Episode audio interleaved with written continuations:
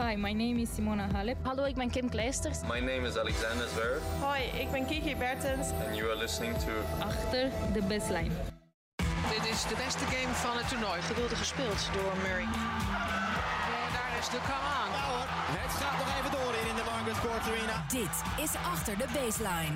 De tennispodcast van Eurosport. Met Abe Kuil en David Avakian. Daar zijn we weer. Een maand na afloop van de Wimbledon-finale ongeveer. Heb ik weer uh, contact met David. Ja, er is veel veranderd, David, en toch ook weer niet. Want jij zit weer ergens aan de andere kant van de wereld deze keer zelfs. Uh, ik zit weer uh, thuis achter mijn laptopje voor de opname van een nieuwe Achter de Baseline. Het is een week waarin bijna iedereen weer terug is op de Tour. Alle grote namen zullen straks ja, zijn gestart aan de voorbereiding op de US Open. De aanloop naar de US Open. Want het grote gecombineerde toernooi van Cincinnati staat nu op uh, het programma. En jij bent daar aanwezig, David. Even kort, hoe uh, gaat het met jou daar? Ja, het gaat, uh, gaat heel goed. Maar je, zegt net op een manier, na een maand hebben we weer contact alsof wij tussendoor elkaar nooit spreken. maar dat is natuurlijk niet zo. In, de uitzendingen hebben we inderdaad voor het eerst weer contact sindsdien. En ja, het gaat, het gaat hartstikke goed hier. Het is een prachtig evenement. Het is een, een toernooi waar ik eigenlijk mijn hele leven, zelfs voordat ik in het vak zat, al heel graag een keer naartoe wilde. Omdat het toch bekend staat omdat snelle tennis, snelle banen en, en, en veel spelers waar ik graag naar kijk, die doen het hier ontzettend goed. Dus dat is leuk om dat uiteindelijk een soort van ja, aan te vinken. Um, nou, als jij het over vinken hebt, ik ben wel een beetje jaloers op jou. Want voor mij is dit toernooi waar jij bij bent, oh ja, dat is voor zo. mij het enige het enige Masters toernooi of, of Grand Slam toernooi... waar ik zelf nog nooit bij ben geweest. Dus jij hebt deze voor mijn neus weggekaapt. Nou ja, als, als, als ADB zijn we dan overal geweest nu. Hey, dat is een mooie conclusie inderdaad. Ja, nee, het, het is een... Het, ik wist eigenlijk niet zo heel goed wat ik moest verwachten. Wat je veel hoorde natuurlijk van, van spelers is dat het ja, heel afgelegen is. Er is weinig te doen hier. nou ja, dat kan ik beamen. Maar toch heeft het wel een, een, heel vergelijkbaar gevoel als Indian Wells voor mij, waar ik eerder dit jaar ook aanwezig was. Overigens gekte dat ik in één jaar tijd nu drie verschillende keren naar de Verenigde Staten ben gekomen. Dat had ik ook nooit verwacht. Want ik ben tussendoor nog een keer op vakantie ook geweest uh, hier. Dus dat ik van de twaalf maanden twee maanden in dit land ben in dit jaar is, ja, is vrij bizar om eerlijk te zijn. Want jij blijft nu tot en met de US Open, hè? Zeker, ja. Het is natuurlijk straks op, op Eurosport ook weer allemaal te volgen op de beide kanalen. Um, jij zal nog weer reportages gaan maken ter plekke. We zullen weer dagelijks achter de baselines opnemen. Um, daar vanuit New York. Dat dus hopen dat, wij, ja. Is ook weer veelbelovend. Um, maar nu dus, uh, ja, heel wat tijd in Amerika, ja. Zeker, zeker. En, en dit is ook echt Amerika. Het, het, het is typisch, ja, om de vergelijking maar verder te maken met, met Indian Wells ook hier is het is enorm groot alles. Daar had je natuurlijk de prachtige uitzichten, de mooie bergen, de woestijn, de palmbomen. Nou, dat heb je hier niet. Hier heb je als uitzicht een uh, grandioos pretpark op de achtergrond. Dat je, ja, wat gewoon... Ben je al in die achtbaan geweest? Nee. Want dat is toch een beetje een, eh, een, een to-do dingetje, hè? Zeker, iedereen, zeker. Geloof ik. Ik, ik, ik, wil heel graag gaan. En ik hoop dat ik uh, wat collega's ook op kan trommelen om, uh, om met mij daar naartoe te gaan. Want ik ben ontzettend fan van, van pretparken en achtbanen. Dus dat is zeker iets wat ik wil doen. En zeker ook weten dat het natuurlijk in al die jaren vaak als promotieplek is gebruikt hè, voor dit toernooi. Veel spelers zijn daar altijd te zien. Um, dus zeker wil ik dat nog heel graag doen. Maar ja, om, om even verder te gaan over, over Cincinnati. Als je hier aankomt, ik, ik landde uh, op, op het vliegveld van Cincinnati. Dat is in een andere staat dan waar ik uh, nu ben, want dat is Kentucky. Nou, dan rij je vanaf het vliegveld via Cincinnati naar de plek waar we nu zijn. Want dit heet misschien wel Cincinnati, maar deze plek ligt in een hele andere stad, een andere plaats. Het heet Mason in de staat Ohio. En ja, je moet je voorstellen, uh, ook vergelijkbaar met Indian Wells, een ontzettend welvarende uh, gemeenschap hier met, met waanzinnig grote huizen. Alles is netjes, alles is recht en alles is, het gras is overal perfect gemaaid. Het, ja, er is hier werkelijk niks anders te doen. Je komt, als, je, als je rijdt bijvoorbeeld van het hotel naar, naar het toernooi, dan, dan rij je naar alle mogelijke uh, restaurantketens, fastfood. En dan tien minuten verder denk je, oh, maar potverdorie, ben ik net toch ook al geweest. Maar dan heb je gewoon een herhaling van hetzelfde blok aan restaurants. Maar dan nog een keer vijf kilometer verderop. En het is, het is een soort, uh, ja, Maria Sharapova die noemde het nep. Alsof het een soort, ja, ingedeeld, een soort Lego-landschap is het. Dus dat is uh, hartstikke ja, bijzonder. En, en in die restaurants zijn ja, het personeel, mensen die in de Verenigde Staten zijn geweest, die zullen het verschil tussen de service hier en in Europa herkennen ja, iedereen is zo ontzettend overdreven. En, en, en, en 15 keer per uur wordt natuurlijk gevraagd hoe het met je gaat, of het allemaal smaakt. En uh, zo'n overdreven voorstellen van: Hallo, ik ben uh, Piet en ik ben vandaag jou, degene die jou gaat helpen aan deze tafel. Dus dat soort dingen, ja, als, als, als Europeaan moet je daar altijd een beetje aan wennen. En dan, dan ga je er een beetje in mee natuurlijk. En dan, dan wil je niet onbeleefd doen. En, maar ja, dat is allemaal Amerikaanse of overdreven gedoe. Maar ja, dat... Free refills? Free refills, ja, dat, daar heb ik uh, geen, geen enkele klachten over. Want dat is natuurlijk iets wat wij in Europa ontzettend missen. Uh, ja, goed, ik, ik kan heel veel uh, vertellen nog hierover. Um, als je hier aankomt op het park met een shuttlebus vanuit het hotel, dan, dan kom je aan in zo'n links en rechts aan de fans dan, dan op een rij te wachten op alle spelers die op diezelfde plek worden afgezet. En dan zien ze mij uitstappen uit de shuttlebus en dan, dan zie je de teleurstelling op alle gezichten. Want die hadden, ik wel, Federer of zo verwacht. Uh, dus dat is, hartstikke, uh, is, is ook hartstikke leuk. En de spelers krijgen... Er zijn me meer mensen met RF-petjes dan met ADB-shirts? Of... Ik, ja, tot mijn verbazing heb ik nog geen ADB-uitingen hier gezien. Dus dat, uh, dat ga ik even aankaarten, inderdaad. Ehm, nog iets bijzonders is dat alle spelers hier ja, door die ontzettende grootte en afstanden een eigen auto in gebruik krijgen. Dus dat, daar zijn ze ontzettend blij mee. Ehm, ja, goed dat, dat is het denk ik uh, een beetje om, om het neer te zetten hier, het toernooi. Het, het centercourt is ontzettend vreemd. Je moet je voorstellen, aan één korte zijde heb je een soort flatgebouw staan. Aan de andere zijde heb je dat er niet. Het is één groot hoog uh, gebouw van tien verdiepingen. En met daaronder heb je een tribune achter glas. Voor de mensen die extra hebben betaald en daar in de airconditioning Met airco, hè? airco ja, zitten. precies, ja. Maar het, het geeft mede daardoor en de blauwe kleuren hier en een beetje de vreemde inrichting van het stadion het gevoel van zo'n zo'n waterpark uh, waar, waar die dolfijnen dan kuntjes uit doen en dat, dat, dat die mensen dan achter dat glas zitten omdat ze niet nat uh, willen, willen worden. Uh, dus het is een beetje een, een rare inrichting, maar ja, daardoor wel bijzonder.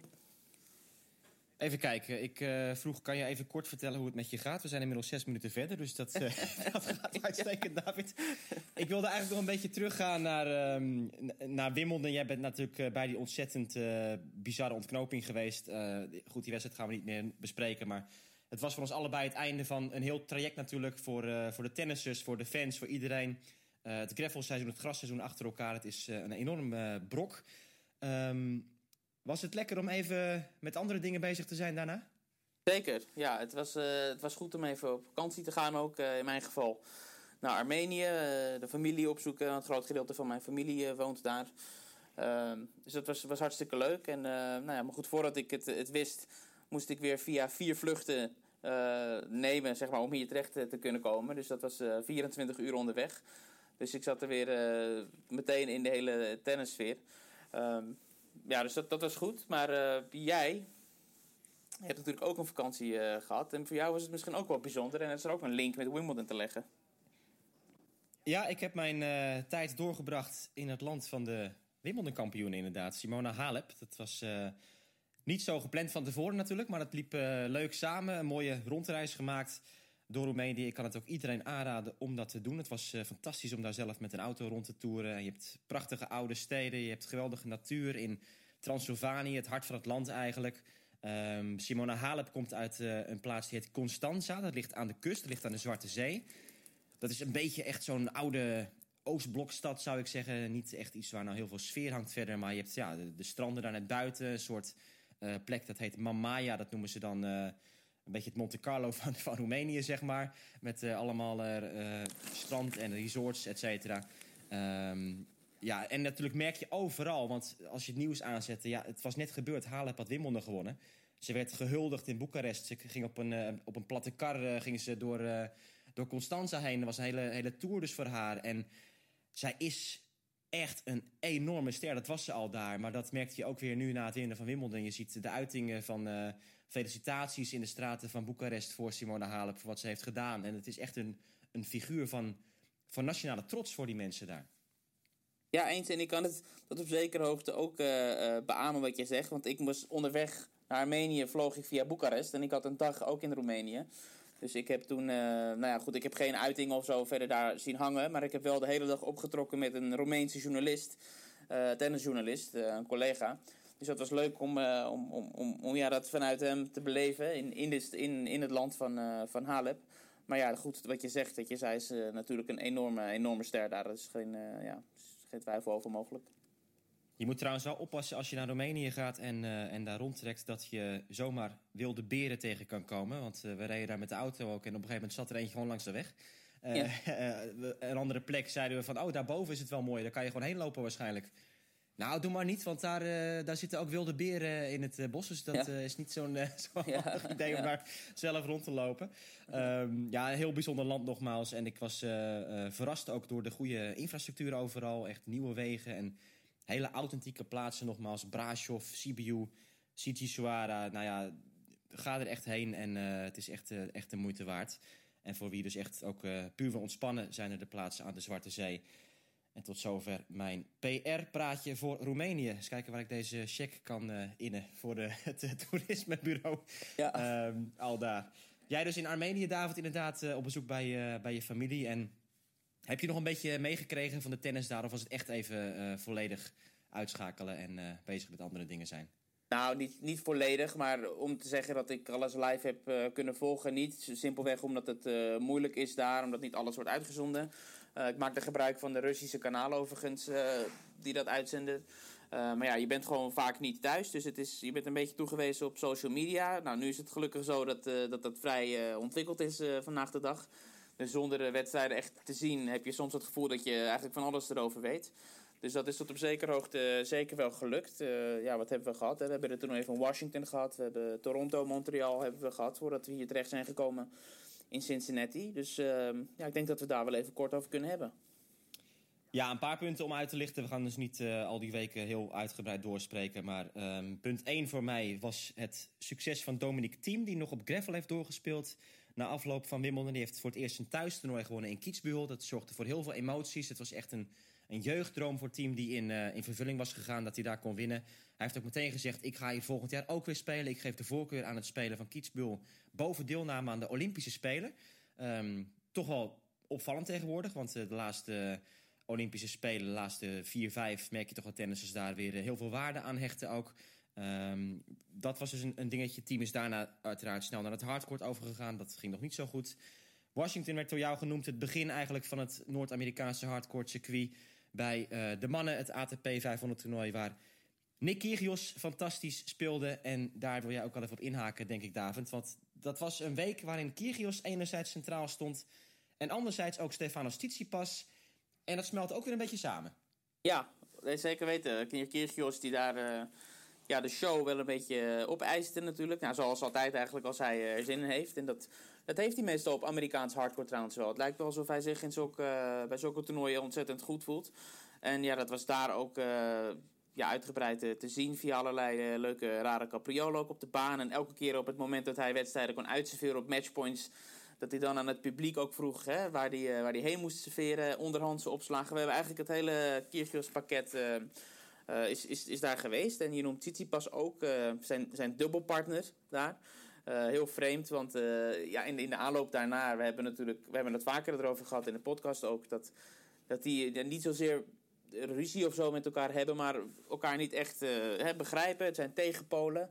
En om dan te zien dat ze, dat ze toch naar elkaar toe zijn getrokken en terwijl ze nog steeds absolute tegenpolen zijn, dat, dat, dat volledig omarmen, hè, dat feit dat ze zo verschillend zijn. En, uh, ja, en natuurlijk iets voor, iets voor tennis, uh, ontzettend veel aandacht hè, op, op zo'n toernooi en op zo'n wedstrijd vestigen als zij dan samen spelen. En het was hartstikke leuk om dat te zien. Ja, en tegen elkaar hebben ze ook gespeeld. En dat um, zorgde voor een grappig moment. Want het rare aan de week daar in Washington was dat in de wedstrijden van Tsitsipas... hij elke keer iets met zijn schoenen had. Zijn veters gingen kapot, zijn schoenen gingen kapot. Hij moest... Um, zijn vader inschakelen op de tribune om andere veters in zijn schoenen aan te brengen. Hij moest uh, een keer zat Leander Pace zelfs op de tribune om, uh, om te helpen ja. daarmee. En het was echt een krankzinnig gezicht. En het gebeurde keer op keer dus. Um, Benoit Per maakte daar nog een heel punt van toen hij tegen Tsitsipas speelde. Want toen op een belangrijk moment ging het weer mis met de schoenen. Tsitsipas zei, ja, sorry, ik moet even gaan zitten. Ik moet weer nieuwe schoenen aantrekken, want ze zijn weer kapot.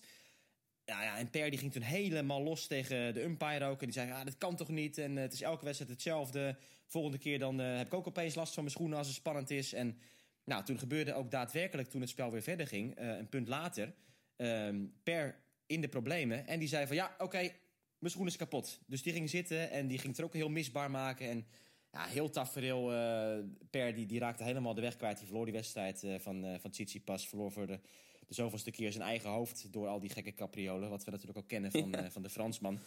Ehm, maar toen moest Tsitsipas tegen Kyrgios spelen. En het gebeurde weer. Weer problemen met die schoenen. Ehm Kyrgios die vatte dat heel leuk op. Die ging zelfs nog eh, de schoenen halen uit de spelersbox van Tsitsipas. En die ging ze brengen dus naar eh Tsitsipas zelf. En die ging voor hem zitten, echt alsof hij hem zo onderdanig die schoenen presenteerde. Van hier, eh, koning Stefanos, weet je, als het ware. Van hier zijn je schoenen, die heb ik even gehaald voor je. Ehm, dus die dynamiek was heel leuk. Wat je zegt, Kyrgios was echt in zijn beste doen die week... met het betrekken van de fans. Ehm, ja, en dan zie je dus ook weer van... jongen, jongen, wat is dit toch iemand voor de sport... die gewoon eh, natuurlijk zo'n meerwaarde heeft. En je ziet het ook gewoon als je naar de mensen kijkt op de tribunes... als Kyrgios speelt op de eerste rijen. De mensen zijn, zijn totaal geboeid en, en met big smiles. En wat gaat er nu weer gebeuren, weet je? En dat is met eigenlijk niemand te vergelijken. Kijk, Federer en Nadal, die, die hebben een, een grote schade fans... Die, die natuurlijk fanatiek meeleven met hun prestaties. Maar ja, bij Kyrgios, iedereen eh, hangt aan zijn lippen om te zien... wat gaan we nu meemaken? Welke show krijgen we te zien vanavond? 100% en ik, dat is hier ook het geval. Gisteren was, speelde hij op, een, eh, op, op baan 3, meen ik. Of nou, misschien een, of een Grand Ik weet het niet precies. In ieder geval niet op centencourt.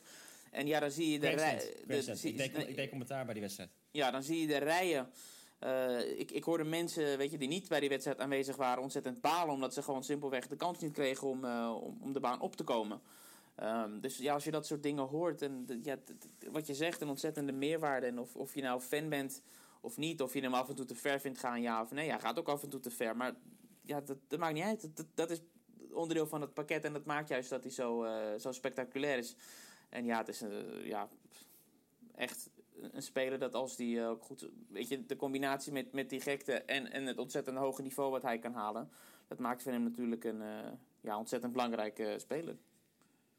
Ja, kijk, en gisteren toonde hij dan toch weer een beetje zijn negatieve kant ook. Want ehm, vroeg in de wedstrijd, Kyrgios sloeg een crossbal. Werd uitgegeven door de lijnrechter op de zijlijn. En die bal bleek in te zijn. En dat moment, daar bleef hij dan een set over doorzeuren. En tegen het publiek, en tegen zijn spelersbox, en tegen de umpire, en tegen die lijnrechter zelf. Van eh, hoe, hoe kan je dit nou doen en hoe is het mogelijk? En ik, weet je, ik, dat, daar kom ik met motivatie op de baan. Maar zodra ik dan word benadeeld, ja, dan ben ik er gewoon klaar mee. Dat, dat hoorden we Kyrgios ook een keer zeggen. Eh, hoofdschuddend, heel die set gespeeld. En dat, je kijkt ernaar en je denkt van, dit, dit kan toch gewoon niet? Hoe kan je nou zo lang in zo'n moment blijven zitten... terwijl het op zich ook gewoon een heel onschuldig punt was. 30-15 iets in een game of zo op de service van, eh, van Sonego. Ja. ja, dat is dan ook weer Nick Kyrgios. En dat is dan ook weer op een gegeven moment eh, iets waar je echt wel je, je ontzettend aan ergert. Omdat het eh, ook gewoon niet fair is naar die lijnrechter zelf. Weet je. De umpire zegt ook, Nick, iedereen maakt fouten. Kom op, eh, hou je mee op, weet je. Ja. En, en, en, en dat soort zaken. Nou, ehm, ja, hij zegt zelf ook, Kyrgios, ik weet, ik heb mentale problemen. Hij is aan het proberen om daaraan te werken. Hij zei ook na zijn eindzege in Washington... goh, als ik nu kijk waar ik een half jaar geleden was... en waar ik nu ben, ja, dan heb ik zulke stappen gezet. Ik, ik, ik ben meer in staat om dagelijks toch meer werk te verrichten. Hij maakte nog een vergelijking met twee jaar geleden toen hij in Washington speelde. Hij zei, ja, dat, toen was ik echt gewoon respectloos aan de mensen hier... ehm, hoe ik toen op de baan stond. Dus dat erkent hij dan zelf ook wel als hij dus zich niet gedraagt. En daardoor weet je gewoon niet goed wat je nou van Kyrgios moet vinden. Dan, de ene dag omarm je hem weer, de volgende dag stoot hij zich weer van je af. Wat ik zeg gisteren in die partij tegen Sonego. Het is een, het is een, een, een, een eh, onbeschrijfelijk persoon. Ja, nee, maar goed, dat is dus ook de reden dat het zo ontzettend leuk is om naar hem te kijken. Omdat je weet gewoon niet wat er gaat gebeuren. Ja. Eh Tsitsipas, David, laten we daar nog even kort op, eh, op doorgaan. Want ehm, hij was eigenlijk de nummer 1 geplaatst in Washington. Hij is dus nu een beetje ja, een soort vriend aan het worden van, van Kyrgios. En er was ook nog een momentje, hè, want eh Tsitsipas was jarig. Er was een persconferentie met Kyrgios en het ging iets over een cadeautje geven Ja. aan, eh aan Tsitsipas. Ja, dat was gisteren inderdaad. Kyrgios die, die noemde dat ze- hij ook hier natuurlijk een, met, met Tsitsipas dubbelt. En met, met de birthday boy noemde hij hem. En hij zei, toen werd gevraagd, heb je nog een cadeautje voor hem? En toen zei hij, nee, niet. Maar ik ga wel wat kleins voor hem halen. Een schoenveter eh, misschien. Dus dat was, eh, was nog wel een, leuk moment, eh, zeker. En, en ook uh, Tsitsipas die keek ontzettend uit naar, naar, naar het dubbele weer met, met Kyrgios. Hij zegt 95% van wat Kyrgios zegt is sarcastisch bedoeld. Maar ook hij noemde, wat, wat wij net zeiden uitgebreid, dat, dat hij ontzettend blij is dat hij, dat hij er is. Omdat het anders toch wat saaiig misschien wordt. Kyrgios verloor na zijn titel in Washington in de eerste ronde in uh, Canada. En daar moeten wij natuurlijk ook even het nodig over zeggen nog, David. Want dat was uh, de eerste grote week weer op de Tour na Wimbledon. Uh, zowel voor de mannen als de vrouwen. Bij de mannen titelprolongatie voor Rafael Nadal. Die had niet te maken met Novak Djokovic of Roger Federer. Die zijn pas deze week weer begonnen. En het gevolg daarvan is dat ja, Nadal echt door het toernooi heen walste. Hij had nog een meevaller dat Monfils afhaakte in de halve finale. Die moest de kwartfinale daarvoor spelen tegen Bautista Agut. Had helemaal niets meer in de tank zitten. Had last van zijn linker enkel. En kwam dus niet op de baan. Nadal die, uh, had het lastig tegen Fonini. Daar verloor hij een set van. Maar verder was het gewoon helemaal niet spannend. En zelfs tegen Fonini na het setverlies... Uh, zag je toch een soort rust in het hoofd van Nadal... die in het verleden problemen heeft gehad met Fonini. Maar je zag gewoon dat, dat hij die partij niet ging verliezen. Uh, dat, dat voelde hij gewoon aan alles. En hij kwam ook gewoon heel overtuigend terug en won vrij simpel sets 2 en 3. Nou, de finale tegen Daniel Medvedev ook een, een, uh, een anticlimax. Want Nadal was gewoon veel te goed. En uh, hij heeft uh, voor de vijfde keer in Canada gewonnen. Uh, ja, het onderstreept weer de dominantie van de grote ja, drie. Precies, die drie die verliezen eigenlijk alleen maar van elkaar op, op belangrijke podia. En ja, zo'n Masters toernooi, weet je, als, als, als een van die drie daar aanwezig is zonder de andere twee, ja, dan, dan moet er wel iets heel geks gebeuren. Wil, uh, wil, wil Nadal in het geval dan niet dat toernooi winnen. Uh, overigens wel een, een, persoonlijke mijlpaal voor hem natuurlijk, dat hij voor het eerst in zijn carrière een hardcore titel verdedigt. Hè, op, uh, een hard, ja, op hardcore dus. Um, wat, wat toch voor iemand van, van zijn status natuurlijk misschien vreemd in de oren klinkt. Maar ja, goed, we weten dat Nadal altijd wel, wel, wel worstelt om, om, om altijd uh, fit te zijn en, en, goed genoeg te spelen ja. om, uh, om op zulke toernooien ook aanwezig te zijn überhaupt. Um, ja. Dus ja, dat was voor hem wel een mooi moment.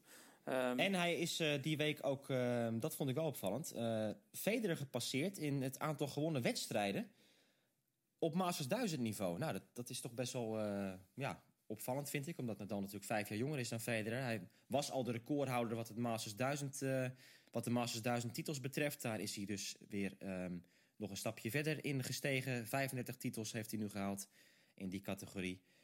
Maar ja, goed. Uh, Nadal heeft net als vorig jaar trouwens weer afgehaakt voor Cincinnati na dat succes. Wat uh, heel begrijpelijk is. En hopelijk kan hij dan straks wel een fitte campagne beleven op de US Open. Want dat gebeurde vorig jaar ook niet. Toen hij de halve finale moest opgeven tegen Juan Martín del Potro.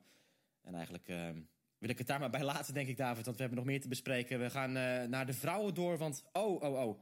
Wat was dat een week, zeg, voor Bianca Andreescu daar. Uh, nauwelijks gespeeld dit jaar vanwege de schouderblessure die ze had. Waardoor ze eigenlijk na de titel te hebben gewonnen in Indian Wells... nooit meer volledig fit is geweest. Um, ze heeft op Roland Garros gespeeld, ze heeft Miami gespeeld... maar dat waren toernooien die ze niet uh, uitspeelde. En nu dus haar eerste toernooi waar ze weer van begin tot eind meedeed. En wat een tennis liet ze zien. Wat een partijen wist ze te winnen. Ze versloeg ook Kiki Bertens natuurlijk. En ze won het toernooi. Ja, het is eigenlijk een soort onverslaanbaarheid, hè, straalt, ze, uit. Op momenten dat ze fit is, dan, dan lijkt het alsof het gewoon onmogelijk is om, om, om van haar te winnen. Dat zagen we op Indian Wells, waar ik uh, dat ook in levende lijven allemaal, allemaal meemaakte. Een ander megatoernooi wat ze wist te winnen. Haar eerste uh, toernooizegen. En dan, dan dit weer zo'n zo'n groot toernooi winnen. En inderdaad, de spelers die ze daarin troffen. Natuurlijk wat, wat geluk in de finale met Serena Williams, die daar ontzettend knappe wijze na de Wimbledon-finale hier toch weer staat. En, en meer wedstrijden in de benen krijgt. En, en toch beter gaat spelen. En toch wel langzaamaan uh, weer, weer terugkomt naar haar, op, op, op haar oude niveau wellicht. Uh, dat zij toch weer uh, dit, dit weet te bewerkstelligen zomaar. Um, dat was een opgave na 3-1 in de eerste set al, waardoor Andreescu um, ja, de titel daar pakte. Een beetje een anticlimax. Maar ja, toch, weet je, nogmaals wat jij zegt. Het is, het is ontzettend knap wat zij doet op zo'n jonge leeftijd, hè? Andreescu ook.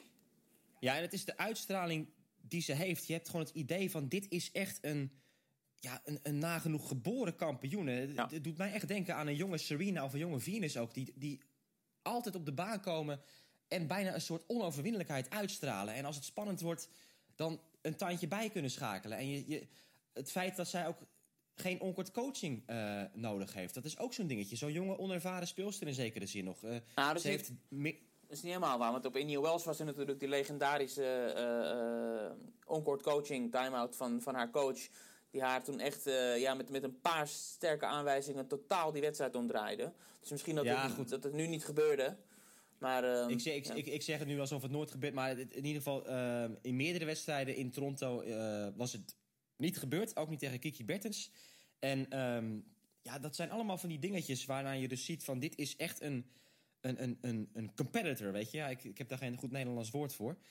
Maar um, een, een kampioen voor de toekomst. En ja, nou ja wat... laten we vooral hopen dat ze fit blijft. Want ik heb het ook, in de, ook gezegd... Um, het slagenarsenaal wat ze heeft, zij is in principe een speelster die gewoon het hele vrouwentennis naar een volgende dimensie kan brengen. Met, met wat voor type tennister zij is. Wat, kan alles. Ze kan alles. Ze kan alles.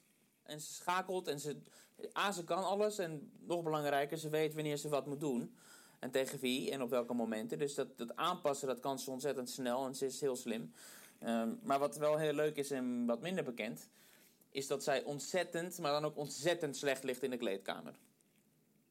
Ze hebben uh, over het algemeen, en ik, ik, ik, ik, zal geen namen noemen, maar ik heb dat uh, hier zelf vernomen in Cincinnati. Een, een, een, zeer gerenommeerde speelster, top 20 speelster, ook in de top 10 heeft uh, gestaan. En die eigenlijk gezien wordt als een van de meest geliefde spelers. En die met, met iedereen heel goed overweg kan.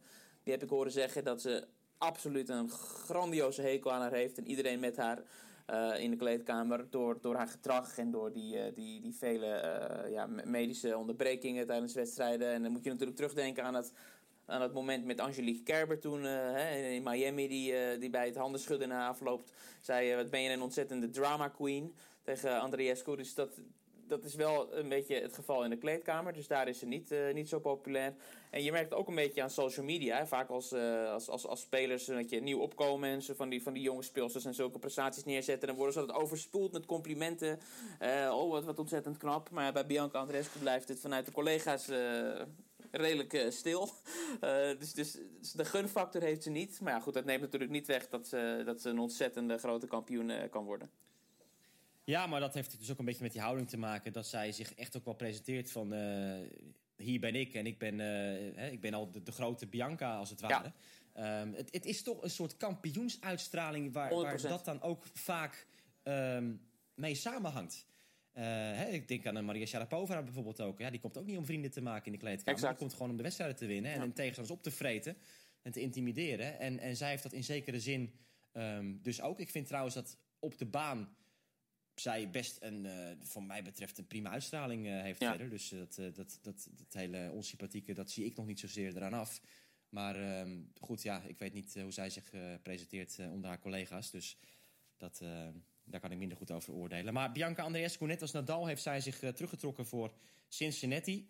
En ehm, zijn er dus andere namen die weer in de spotlight staan deze week. En een hele bijzondere naam voor ons is natuurlijk dan die van Kiki Bertens. Zij is daar ontvangen als titelverdedigster, David. En hoe is die ontvangst verlopen? Nou, hartstikke goed. Zij wordt gewoon eigenlijk zoals overal waar ze tegenwoordig terechtkomt... eh, behandeld als een absolute wereldtopper. Hier links en rechts in, eh, in het mediacentrum eh, hangen de portretten van haar. En Novak Djokovic, de winnaar van de mannen vorig jaar. Dus dat is hartstikke leu- leuk om te zien. Hè? Kiki die, die, die overal dan eh, zichtbaar is. Ook in, in, de, in de sportwinkel hier eh, op het toernooi. eh, grote posters van haar kledingsponsor eh, met Kiki Bertens. Dus dat zijn toch weer van die dingen wat, wat leuk is om te zien als, eh, als, als, als Nederlandse eh, journalist. Ja, nou goed, ze heeft daar gewoon, vo- voordat het toernooi begon, heeft ze, heeft ze pers gedaan, eh, roundtables, eh, dat je, hè, wat dat intiemere setting. En dat doet ze ontzettend leuk en goed. En dat is iets wat alleen bij, bij, bij, bij haar status als titelverdedigster en, en topspeelster hoort. Hè? Want vorig jaar toen ze hier won, was dat een ontzettende doorbraak. Haar eerste hardcourt toernooi dat ze won. En dat was een moment waarop ze acht top 10 speelsters op rij wist eh, te verslaan. En Simone Halep in de finale. Voor het eerst dat ze nummer 1 van de wereld eh, klopte. Dus dit was voor haar een, een hele bijzondere week. Een hele belangrijke week eh, vorig jaar. En iets waarop ze heeft eh, kunnen bouwen. Hoe is het gevoel nu bij Kiki? Ze is ontzettend uitgerust, zei ze. Want ze heeft natuurlijk eh, naar Wimbledon eh, even rust genomen. Ze heeft Palermo op gravel gespeeld. Ehm, en ja, dat was, dat was een, een, een, unieke keuze. Dat had ze ook niet eerder op die manier zo gedaan, uh, dit, dit schema. En ze gaf aan dat het ontzettend goed is uitgepakt en dat ze uitgerust is. En zeker ook met oog op uh, wat er nog gaat komen, de US Open en daarna. Uh, heeft ze, ja, ze staat er heel goed voor, zegt ze. Ja, even voor de duidelijkheid. Wij nemen deze podcast op op het begin van de tweede speeldag in Cincinnati. Ondertussen is Stan Wawrinka nu aan het spelen tegen Grigor Dimitrov. Jij gaat zo kijken naar Kiki Bertens tegen Venus Williams. Dat is de partij die daarna gespeeld gaat worden. Maar niet alleen was er aandacht voor, um, voor Kiki Bertens in, uh, in Cincinnati. Want ook Raymond Sluiter is een beetje een naam aan het opbouwen natuurlijk. Als iemand die bijzondere uitspraken doet. Dat weten we in Nederland al jaren. Maar ook internationaal wordt hij een beetje omarmd. Wordt hij graag geïnterviewd door, uh, door journalisten van allerlei kranten uh, wereldwijd. En ook voor Raymond Sluiter was er zo'n roundtable gesprek toch? Uh, zeker, toch zeker weten, ja. Ja, dus, dus daar kwamen veel mensen op af. En nou, Raymond was Raymond die uh, introduceerde zichzelf eventjes uh, ja. op deze manier. You say now, now, now! Ja, David, wat, uh, wat was dit nou precies? Want iedereen die schrok zich daar een hoedje, denk ik. Uh, waarschijnlijk onze luisteraars ook, want dit was ja. even vrij abrupt. Ja, precies, want het is natuurlijk een vrij afgelegen toernooi. Dus er is er ook een groep journalisten die Raymond niet zo goed kent. En journalisten die, die niet de wereld overreizen. Dus die zagen het niet helemaal aankomen dat moment. En Raymond die is natuurlijk ja, heel kleurrijk altijd in zijn beantwoording. En dit was een prachtig voorbeeld daarvan. Uh, en hij, hij, hij, ja, hij gebruikte alles wat hij kan om zijn punten te maken. Dus ook, ook zo'n moment. En hij had het, nou, nou, nou. Maar wat, wat was het precies? Dat, uh, waar sloeg dit op? Nou ja, hij, hij zegt, je, je, je kan wel uh, steeds weet je, de, de, nadruk leggen op... Nu moet dit gebeuren, nu moet dat gebeuren, anders verlies je dit. En dat zegt, zo werkt het niet. Dus je, je, kan het wel brullen, maar daar word je alleen maar ongemakkelijk van, zei hij. En ja. hij zei, kijk, nu als ik dit zo doe... dan, dan zie ik ook links en rechts allerlei mensen verkrampen. behalve een aantal dan die mij, die, die mij een beetje kennen. Uh, dus, dus ja, dat is, het is typisch Raymond. En dat was, uh, ja, hij was in, zijn element uh, tijdens de, de coaches roundtable. En hij was niet de enige coach overigens, want, want veel andere coaches van, van grote namen, Sasha Bajin, ehm, van Christina Mladenovic, Kamal Murray was er ook eentje. De, de, hele jonge coach van Maria Sakkari, die, die was heel leuk om te volgen. Ehm, Tom Hill. Ja, die die zat in een Nadal-shirt of zo, hè? Die, uh, zat in een Nadal-shirt, ja. Die, die jongen die, die zat te vertellen dat hij nog steeds starstruck is als hij uh, Rafa ziet. Ja, ja, ja, ja. Het is, het is, een, het is een, een, Britse jongen die ontzettend zachtjes praat. En hij is even oud, of misschien zelfs iets jonger dan, dan, dan zijn pupil. Maria Sakkari. Dat is ja, waanzinnig eigenlijk, uh, om te zien. dus, dus hij vond het ontzettend leuk. En die zei, alsjeblieft, ga door. toen het einde van die roundtable was aangebroken, zei kunnen we niet, niet doorpraten. Dus dat is een, nieuw initiatief van de WTA om dat steeds te doen, om de zoveel toernooien met coaches. En dat is heel goed. Dat is uh, voor die coaches leuk en, en ook voor, uh, voor de fans. Weet je wat ik grappig vond, David? Raymond kreeg een vraag over wat nou voor hem de verhaallijn is dit jaar in het vrouwentennis. En Raymond zegt van ja, weet je, de verhaallijn in het vrouwentennis. Ik bedoel, er zijn zoveel mooie verhaallijnen nu in het vrouwentennis. En toen begon hij dus wat, wat, wat dingetjes te noemen. Nou, ik denk dat hij, dat hij uh, één, twee dingen noemde. En toen de derde naam die ik hoorde, of misschien de vierde uit de mond van Raymond Sluiter. Diana Jastremska. Ja, ja, Gooi hij er opeens uh, uit. Ik denk, hé, hey, ja, zit ook op te letten. Die, die luistert ook goed naar, uh, naar achter de baseline uh, waarschijnlijk. Ja, Raymond ontgaat niets. En ja, dat merk je altijd als je met hem in gesprek bent. Dan, dan weet hij altijd voorbeelden te noemen waarvan je denkt van ja, hier zal de kijker thuis van denken van wie is dat in hemelsnaam. Maar ja, dan heeft, uiteraard heeft hij een ontzettend goed punt als hij zo'n naam noemt. Want, uh... Maar dat was trouwens ook voor het feit dat Jastremska tegen Wozniacki speelde, hè, die roundtable. Want dat was gisteravond pas. Jastremska ja. won van Wozniacki, even voor de duidelijkheid. Dus uh, nou, dat was ook nog mooi dat dat uh, gelijk gebeurde dan na die uitspraak van, van Raymond. Ja. Ja, nee, nee zeker. En uh, het, het, het, zijn onderwerpen waar ik, uh, als het goed is, als het allemaal een beetje goed uitpakt, uh, later met Raymond nog over ga hebben. Dat, ik, ik, wil dat wel wat indiepen, hè, om een beetje de staat van het tennis nu, of het nou vrouwentennis is, mannentennis, tennis als geheel, om dat met hem een beetje door te nemen. zou hartstikke leuk zijn als een soort achter de baseline special. Dus ik, hoop dat dat allemaal goed uitpakt en dat we dat later deze week of volgende week kunnen brengen. Ja, in aanloop naar de US Open natuurlijk. Um, nog iets over Kiki of kunnen we doorgaan? Nou ja, goed, Kiki speelt tegen Venus Williams uh, zo meteen. Dus op het moment dat deze podcast gepubliceerd zal worden, dan zullen we het resultaat kennen. Uh, ja, nee, laten we het maar, laten we maar afwachten, denk ik. Er staat wat druk op. Ze heeft een hoop punten natuurlijk uh, te verdedigen hier. Uh, ik had niet de indruk dat ze daar ja, heel erg mee bezig was. Ja, verder goed. We hebben Kiki de laatste tijd best vaak gesproken. Dus om nu te zeggen dat er heel veel nieuws te melden is rondom haar, dat zou een leugen zijn. Nee, ze heeft natuurlijk nog uh, de finale gespeeld in Palermo na Wimbledon. Dat was een toernooi dat ze uh, had toegevoegd op gravel, klein gravel toernooi. In principe had ze daar moeten winnen. Ze verloor van Jill Teichman. Maar um, ja, Kiki Bertens dus uh, nog steeds top 5 speelster. We gaan even door naar andere zaken, David. Want er is weer een um, ja, interessant iets gebeurd in de ATP-politiek. We gaan het niet te saai maken, dat beloof ik u. Maar um, Rafael Nadal en Roger Federer die zijn ineens toegetreden tot de Spelersraad. Ja. En met Novak Djokovic uiteraard nog steeds als uh, voorzitter van die Spelersraad. Die doet het trouwens al acht jaar, hè? Ja, dat, is... dat vind ik wel, uh, ja. wel, in, wel uh, bijzonder. Dat hij al acht jaar daar in die raad betrokken is om de tennissport um, ja, beter te maken. Maar Nadal en Federer in die Spelersraad, David, wat, wat is hier opeens gebeurd? Nou ja, dat is normaal gesproken was dat niet mogelijk geweest. Omdat ja, die spelersraad wordt gekozen natuurlijk door, uh, door collega's. En dat, dat, ja, dat gebeurt elk jaar. Uh, maar wat er nu dus uh, gebeurde de afgelopen periode door al die commotie en tumult... was dat er een aantal spelers uit die spelersraad zijn gegaan. Waaronder Robin Haase. dus er zijn plekken vrijgekomen, simpelweg. En die moesten gevuld worden. En toen hebben Federer en Nadal als duo... in afspraak met elkaar besloten om zich daarvoor beschikbaar te stellen. En toen hebben ja, de, de andere spelers hebben dat, ja, daarmee ingestemd. Federer zei nog, ja, dat was misschien, een beetje vreemd geweest van de collega's uh, als, als Nadal en mijzelf uh, niet hadden gekozen. Natuurlijk heel goed uh, wetende wat zijn eigen sta status is. dus ja, zij zijn daarin. wat ze precies gaan doen daar is, is niet helemaal bekend. Het was meer een beetje een, een helpende hand, begrijp ik. En waarschijnlijk ook ja, zullen ze ongetwijfeld met, met sommige dingen het niet eens zijn geweest. En vinden ze het nodig om, toch wat invloed uit te oefenen. Al is het alleen al om, uh, om niet ja, totaal de controle te verliezen over wat er op de ATP uh, gebeurt. Uh, en ja, Djokovic als, als voorzitter van die raad die heeft dat met open armen ontvangen.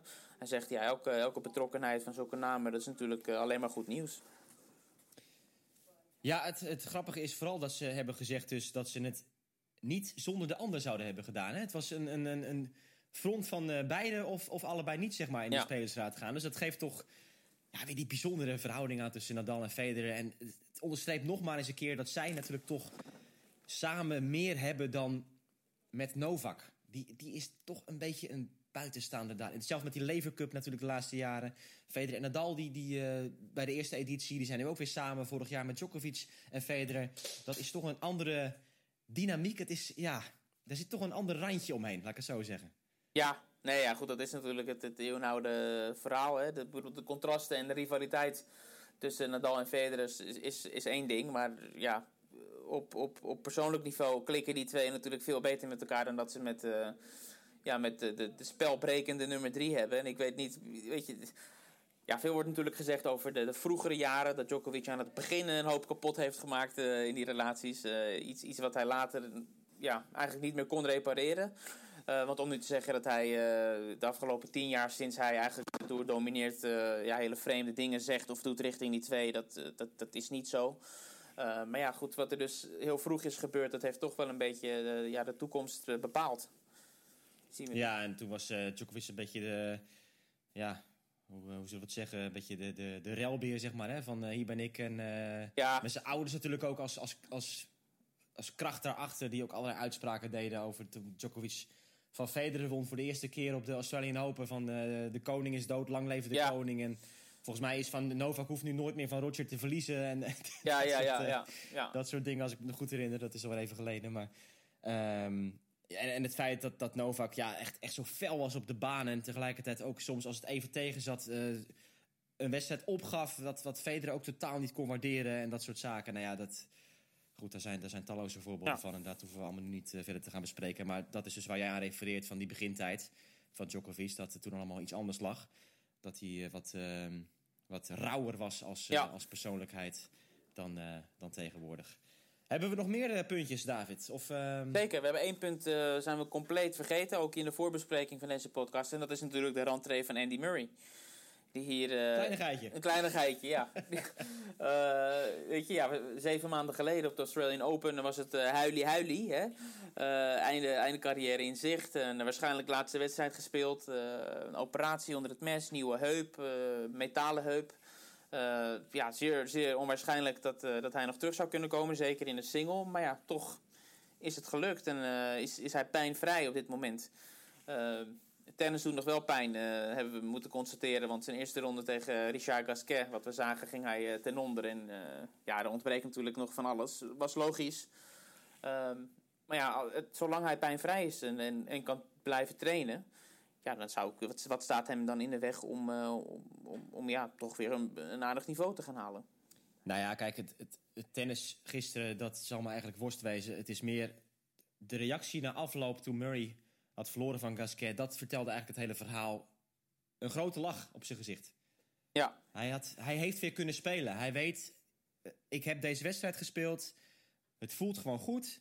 Ehm, hij heeft ook aangegeven na afloop dat, dat hij zegt... ja, weet je, ik heb twaalf maanden nodig om echt weer op volle kracht te zijn. Dus sinds die operatie, nou, dan hebben we het over de Australian Open volgend jaar... heeft hij zelf ook, eh, ook verteld.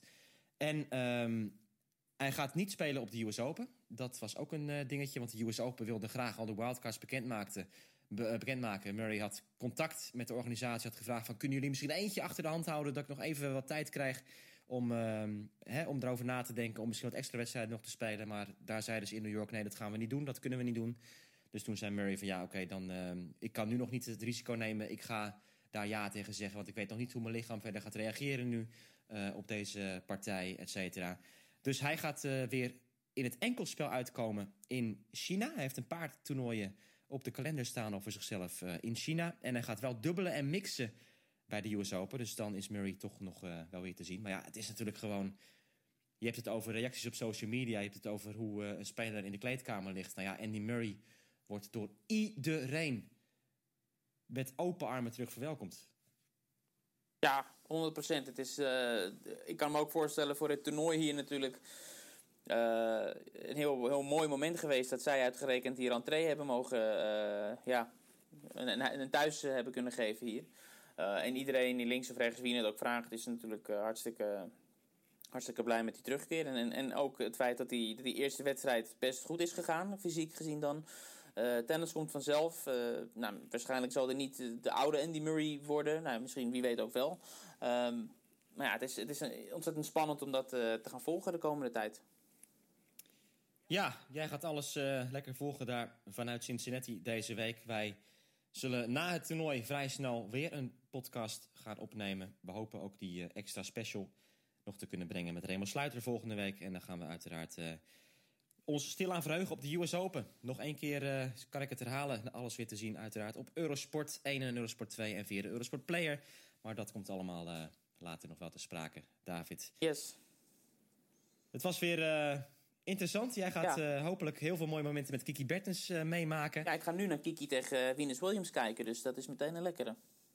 Heel veel plezier, heel veel succes. Bedankt weer voor het luisteren ook natuurlijk naar deze aflevering van Achter de Baseline. Wij zijn er snel weer met meer vanuit eh, Amerika voor jou, David. Jij bent er nog wel een maandje. Dat eh, gaat allemaal goed komen. Lekker voor hamburgers, et cetera. Yes. En eh, ik leef lekker in de nacht de komende weken. Goed, tot snel dus weer met een nieuwe aflevering van Achter de Baseline.